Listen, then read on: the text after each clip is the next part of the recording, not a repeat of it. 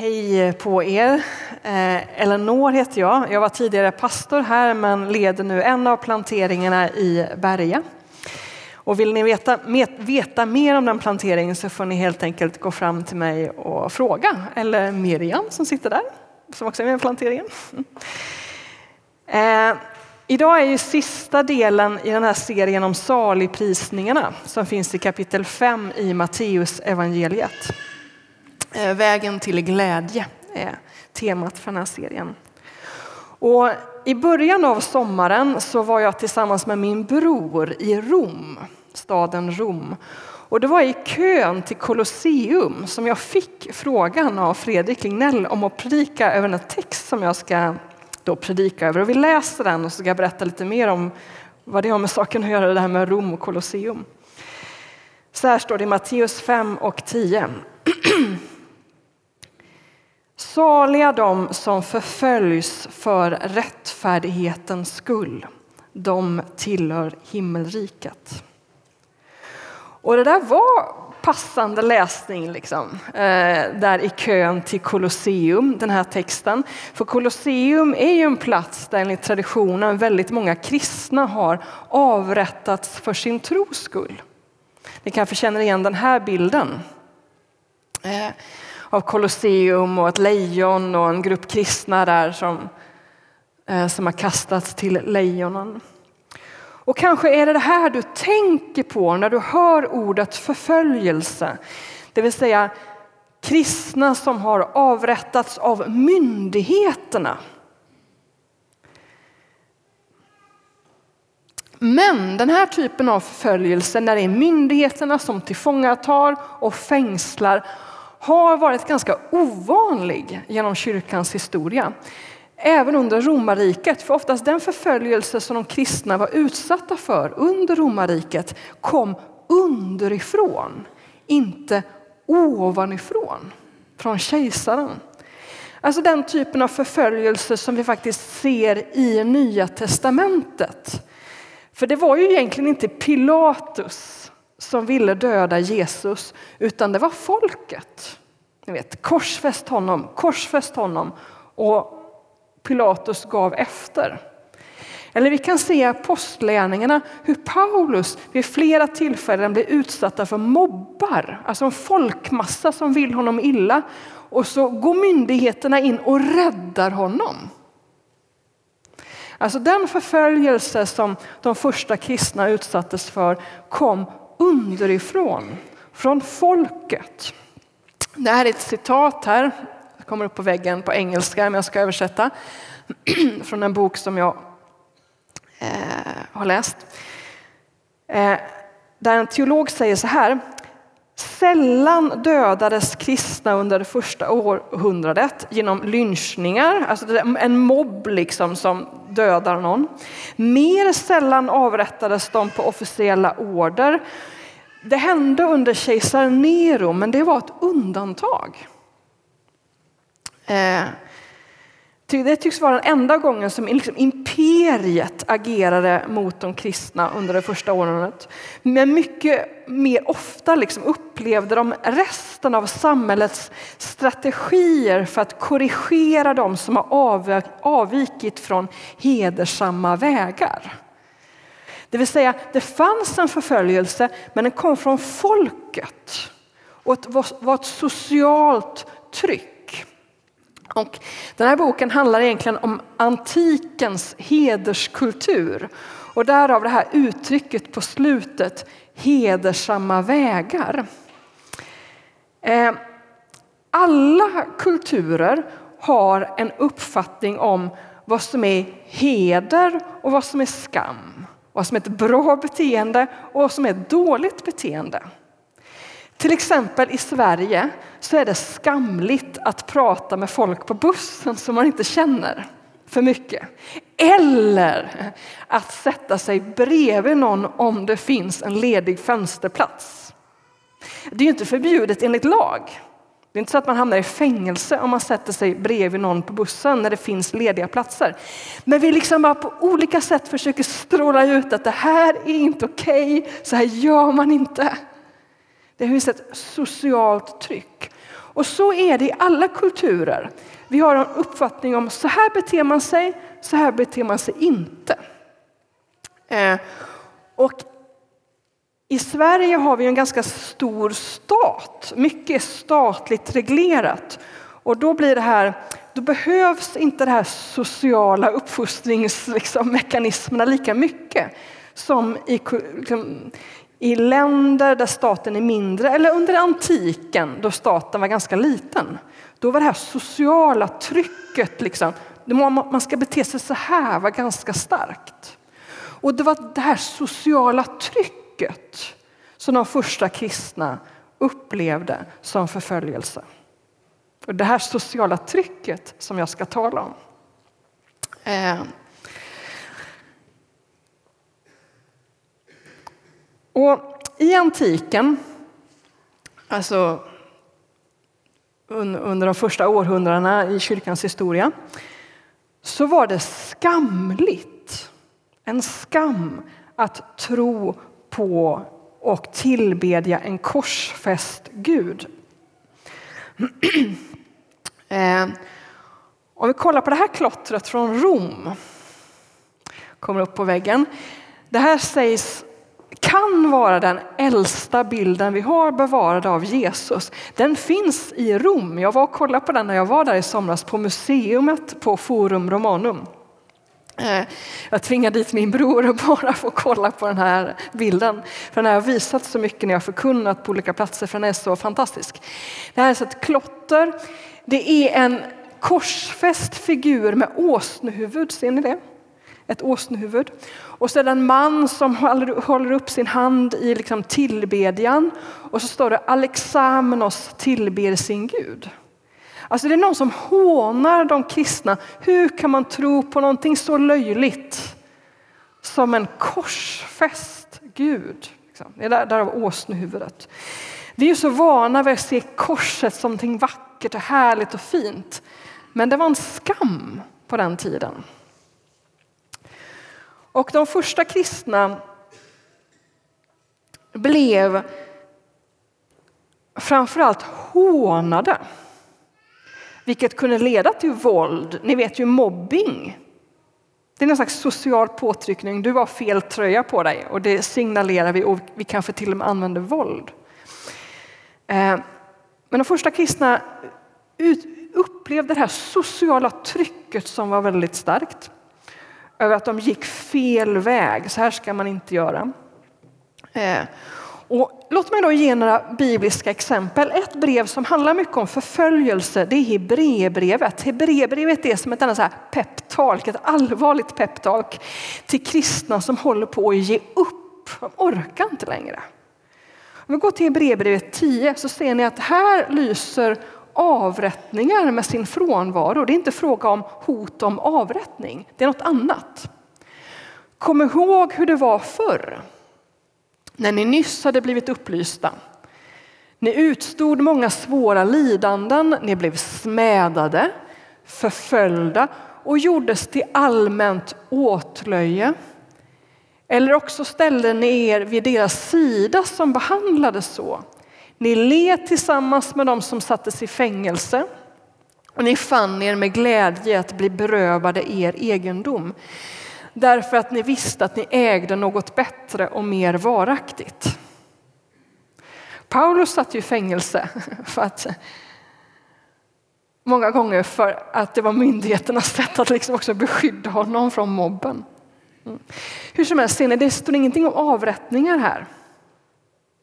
Eh, och det är någonting som eh, Hebreerbrevets författare sen påminner om, om, ni har ju inte fått sätta livet till. Så allvarligt är det inte. Kolla Hebreerbrevet 12. Ännu har ni inte behövt sätta livet på spel i er kamp mot synden. Då kanske någon här tänker, men står det inte om avrättningar i, i Hebreerbrevet 11? Jo, men det är judiska, av, alltså, Ehm, den förföljelse som grekerna utsatte och romarna utsatte judarna för, det som man kan läsa om i Makaberboken, det är inte kristna martyrer. Ännu har ni inte fått sätta livet på spel. Men församlingen tycker ändå det här är skitjobbigt. Det här sociala trycket, att bli hånad, liksom. kanske misshandlad av en mobb. Förlora sitt arv, eh, förlora sina affärsmöjligheter för ingen vill handla med mig längre. Ett socialt tryck. Låt oss lyfta blicken från bibeltexterna och kolla lite på samtiden för en stund innan vi ska dyka ner i bibeltexterna igen. Jag vet inte om ni har följt med i det här mediadrevet mot den muslimska busschauffören. Det har varit flera mediadrev mot busschaufförer. Men ehm, eh, kolla på den bilden, vad var det som satte igång det här? Eh, en man och ett barn som ber eh, i en buss. Har ni inte följt med i det här och vill läsa mer om det så rekommenderar jag Emanuel Karlstens blogg. Man kan googla på det. Emanuel Karlsten. Ehm, det börjar ju som sagt med att någon la upp den här bilden. Buss på Värmdö igår, chauffören ber med sina barn under rast. Och sen så var drevet igång, det skrevs artiklar och delades inlägg och någonstans i det där liksom kaoset så kom den här informationen bort att det här var under en rast. Det här var nämligen så att en kvinna inte fick komma in i bussen och det regnade och det var mörkt och hon ville in och så ser hon att de ber där inne och så tar hon ett foto och så sprider hon det och klagar till SL, det här var i Stockholmsregionen. Eh, och en person som var inne i det här drevet och som skrev kritiskt om det här var Hanif Bali som är ju riksdagsledamot för Moderaterna. Och när det väl kom fram då att det här var ju på en rast och då får man ju faktiskt inte komma in i bussen. Eh, och man har ju rätt att göra vad man vill på sin rast. Eh, när det kom fram så, så sa Hanif Bali att det spelar ingen roll utan religion ska bemötas med social intolerans. Och det här skrev Joel Halldorf om i den kristna tidningen Dagen i fredags med rubriken Hets mot bön, den nya intoleransen. Och jag vill läsa ett långt citat från den ledaren. kommer upp på väggen. På Twitter suckade den moderata riksdagsledamoten Hanif Bali över normaliseringen av muslimsk bön i det offentliga rummet och fortsatte Social intolerans är den bästa metoden för att hålla religionen i schack. Jo tack, vi vet. Det har länge varit sekularisternas strategi att låta troende representeras av udda eller polemiska figurer och samtidigt lyfta fram alla tillfällen då religionen orsakar oro eller konflikt. Och det göder den sociala intoleransen. Undersökningar visar att allt fler uppfattar religion som ett samhällsproblem trots att studier visar att religiöst engagemang tvärtom är positivt för ett samhälle.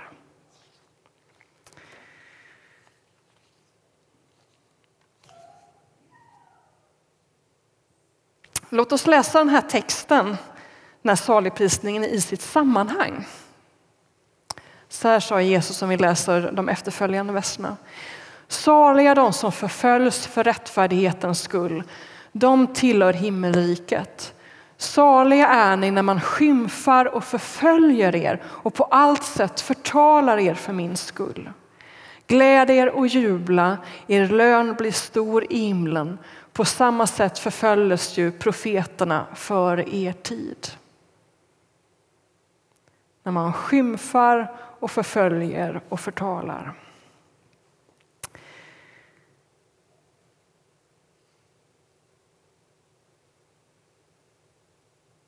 Jesus talar inte om avrättningar här primärt, utan han talar om hån, förtal och lögner. Och det är ju den typen av förföljelse som den här busschauffören utsattes för. Hanif Bali är ju moderat, så jag tänker att jag får balansera upp det här med en annan moderat som tog eh, busschauffören i försvar, Ann Heberlein. Nästa bild. Här är en skärmdump. För övrigt tycker jag att det är sjukt integritetskränkande att smygfotografera en bedjande människa för att inte tala om att sprida bilden. Bön är privat, en team situation och rätten till sin personliga integritet måste man äga. Och då, jag är, är ganska aktiv på Twitter. Twitter har ett ganska dåligt rykte numera, men det finns ett slags kristet reservat på Twitter som jag befinner mig i där det bara är trevligt. Jag, jag, jag får så mycket boktips och nätverkande uppmuntran och har upplevt väldigt lite hat. Mm. Men jag går in och tittar ibland vad som händer andra och det är bedrövligt. Men då var det någon som svarade, Ann Heberlein och sa Religion är som ditt könsorgan. Ta inte fram det i offentligheten, ta inte fram den som busschaufför på sin rast. Och det här med att religion är som ett könsorgan, alltså man får ha det, men det är privat och man får inte visa upp den för andra. Det är en vanlig sägning har jag sett på Twitter. Religion har hemma det privata. Och då var det någon som svarade så fint. Ehm, ska inte busschauffören få pinka på rasten eller? Var ju ett väldigt bra svar. Ja, men det är en galen värld. Alltså, hur orkar man vara troende när man möter den här typen av inlägg? Liksom? Och det är ju väldigt lätt att bli arg och uppjagad och skrämd och rädd. Och det är ju väldigt lätt att glömma bort att alla tänker inte så här. Vi lever i ett mångkulturellt samhälle där människor tänker och lever olika. Och det finns de som är hatiska och kritiska och så finns det de som är toleranta och intresserade. Och så var det i romarrik, under romarriket också. Den kristna kyrkan blev förföljd men också älskad. Och så är det idag också. Folk tänker olika och man får inte stirra sig blind och fokusera på hatet. För Det är några som tänker så, inte alla. Eh.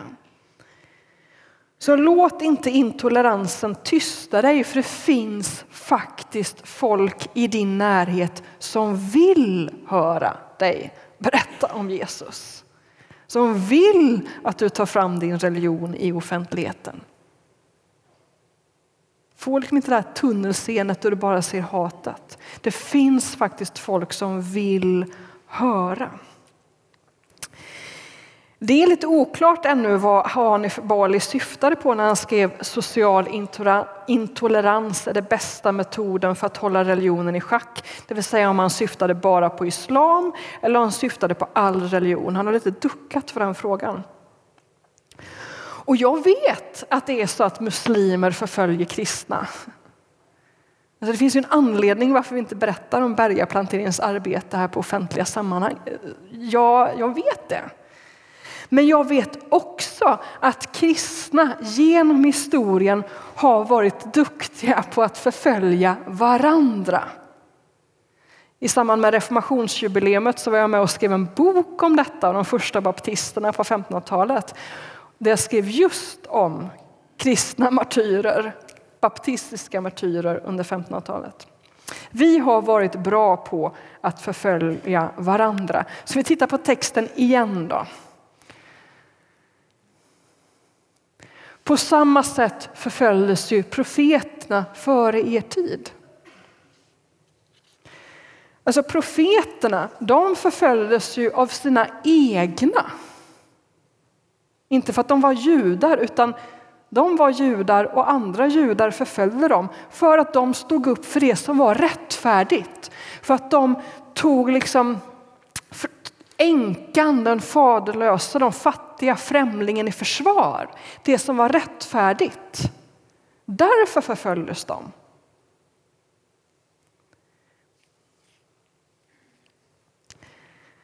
Alltså som en av våra missionärer här i församlingen har sagt att problemet med muslimer är inte att de är muslimer utan att de är syndare.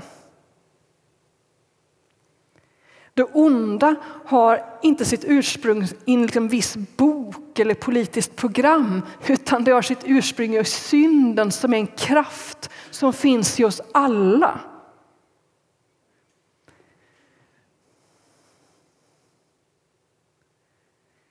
Och det är synden i oss som får, att, får oss att håna varandra, förtala varandra, skymfa varandra, även inom församlingen. För det kristna livet det är liksom en, en blandning av segrar och nederlag i relation till den här kraften som finns i oss. När jag pratar om det här, det här kristna reservatet liksom på Twitter så är det en sanning med modifikation. För att vi kan ju ibland vara taskiga mot varandra och folk tycker att jag var taskig. Alltså synden finns i oss alla. Eh. Och då kan ni den här sinnesrobönen. Titta lite på den. Den är ju bra. Gud ger mig sinnesro att acceptera det jag inte kan förändra, mod att förändra det jag kan och förstånd att inse skillnaden. Det är svårt att göra någonting åt andras synd. Det man kan göra är någonting mot sin egen synd. Vi är kallade att älska våra fiender och det är oavsett om den här fienden sitter tre kyrkbänkar bort eller är någon debattör på Twitter. Vi är kallade att älska våra fiender. Och att inte älska sin fiende, det är en synd. Och I början av den här predikoserien så, så ställde Fredrik Lignell frågan om alltså, sörjer du över din synd? Sörjer du över din oförmåga att kunna älska dina fiender?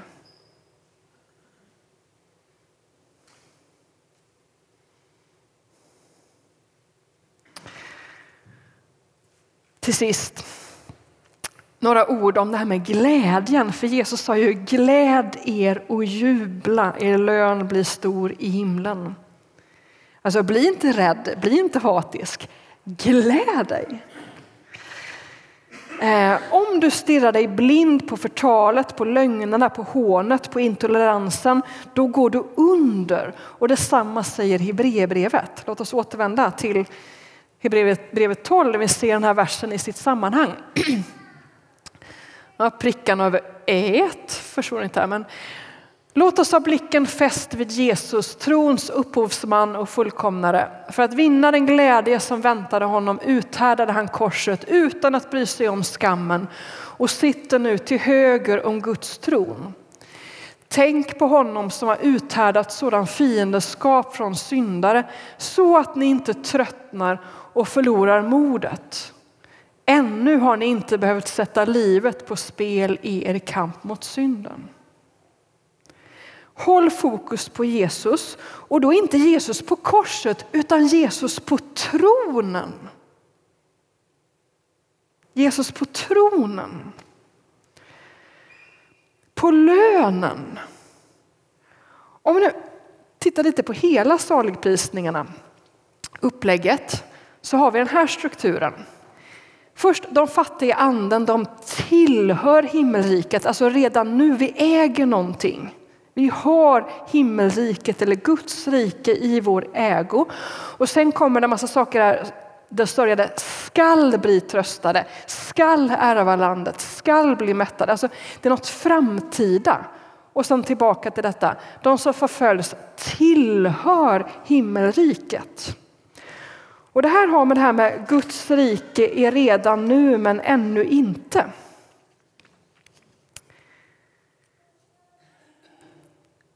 Guds rike är redan nu men ännu inte. Alltså det är i vår ägo, men det har inte blommat ut ännu. Guds rike är nära. Vi har det liksom i vår ägo men det har inte blommat ut ännu. Och när vi nu ska fira nattvard strax, då får vi en försmak av det här himmelriket Nattvarden pekar bakåt, åt den kväll då Jesus instiftade nattvarden. Men nattvarden pekar också framåt, mot den himmelska festen.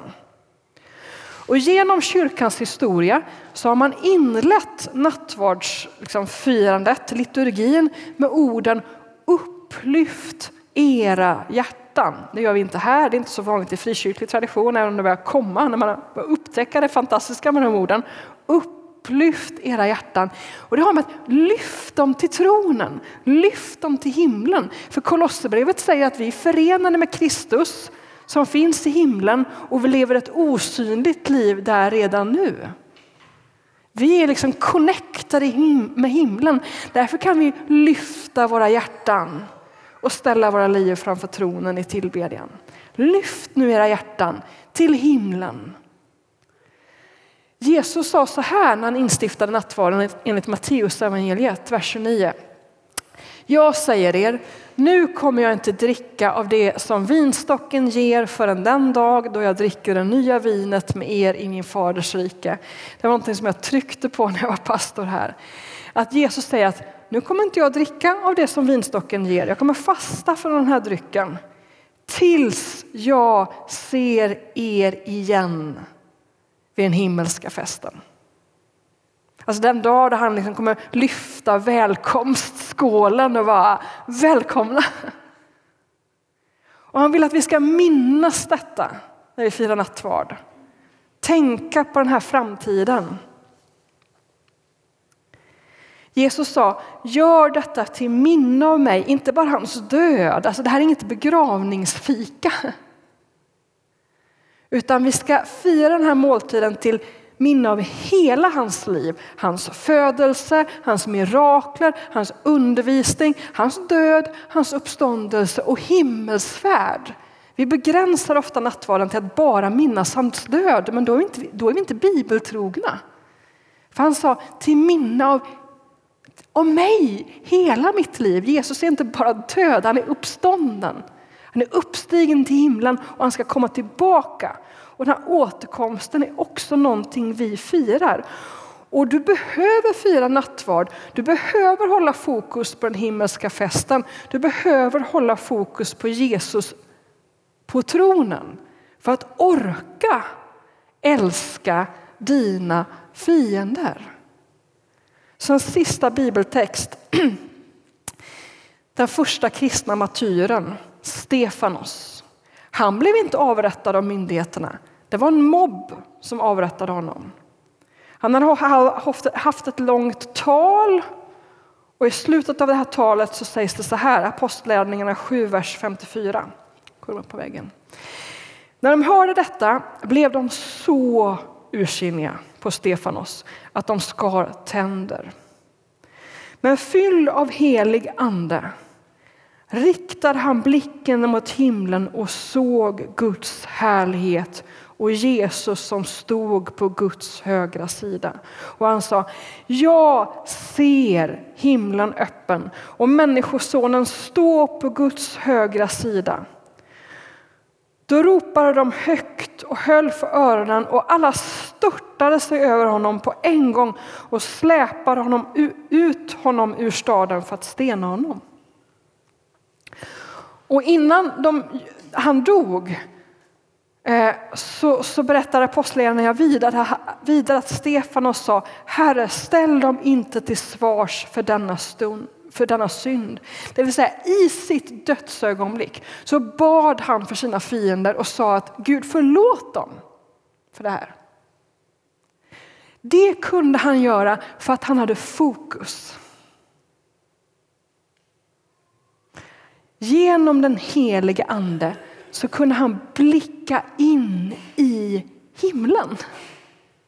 Det står det här, genom den helige ande så bara öppnade sig och han kunde se Jesus på tronen. Han levde ut Hebreerbrevet 12. Han höll fokus på Jesus. Han tappade inte modet. Han bad och älskade, bad för sina fiender, älskade sina fiender i sitt dödsögonblick.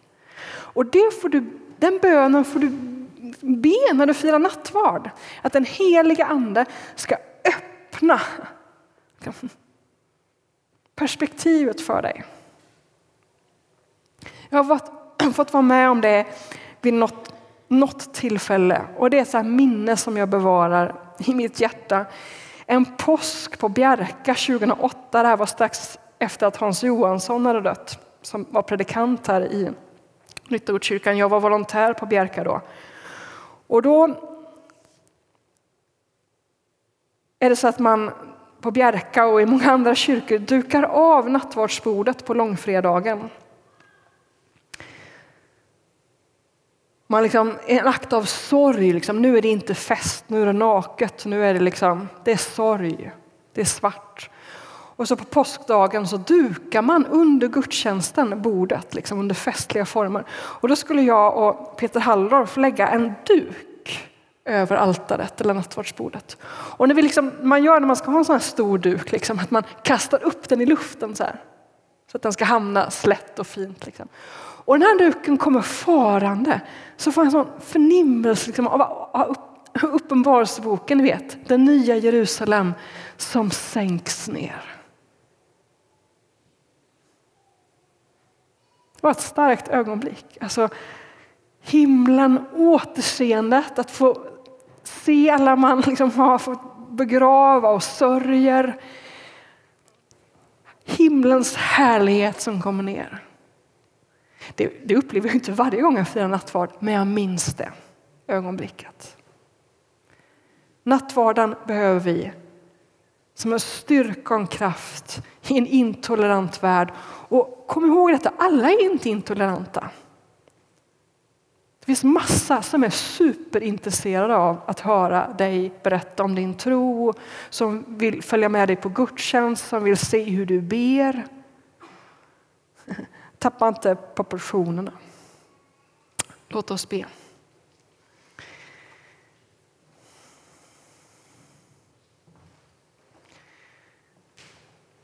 Jesus, hjälp oss att följa dig.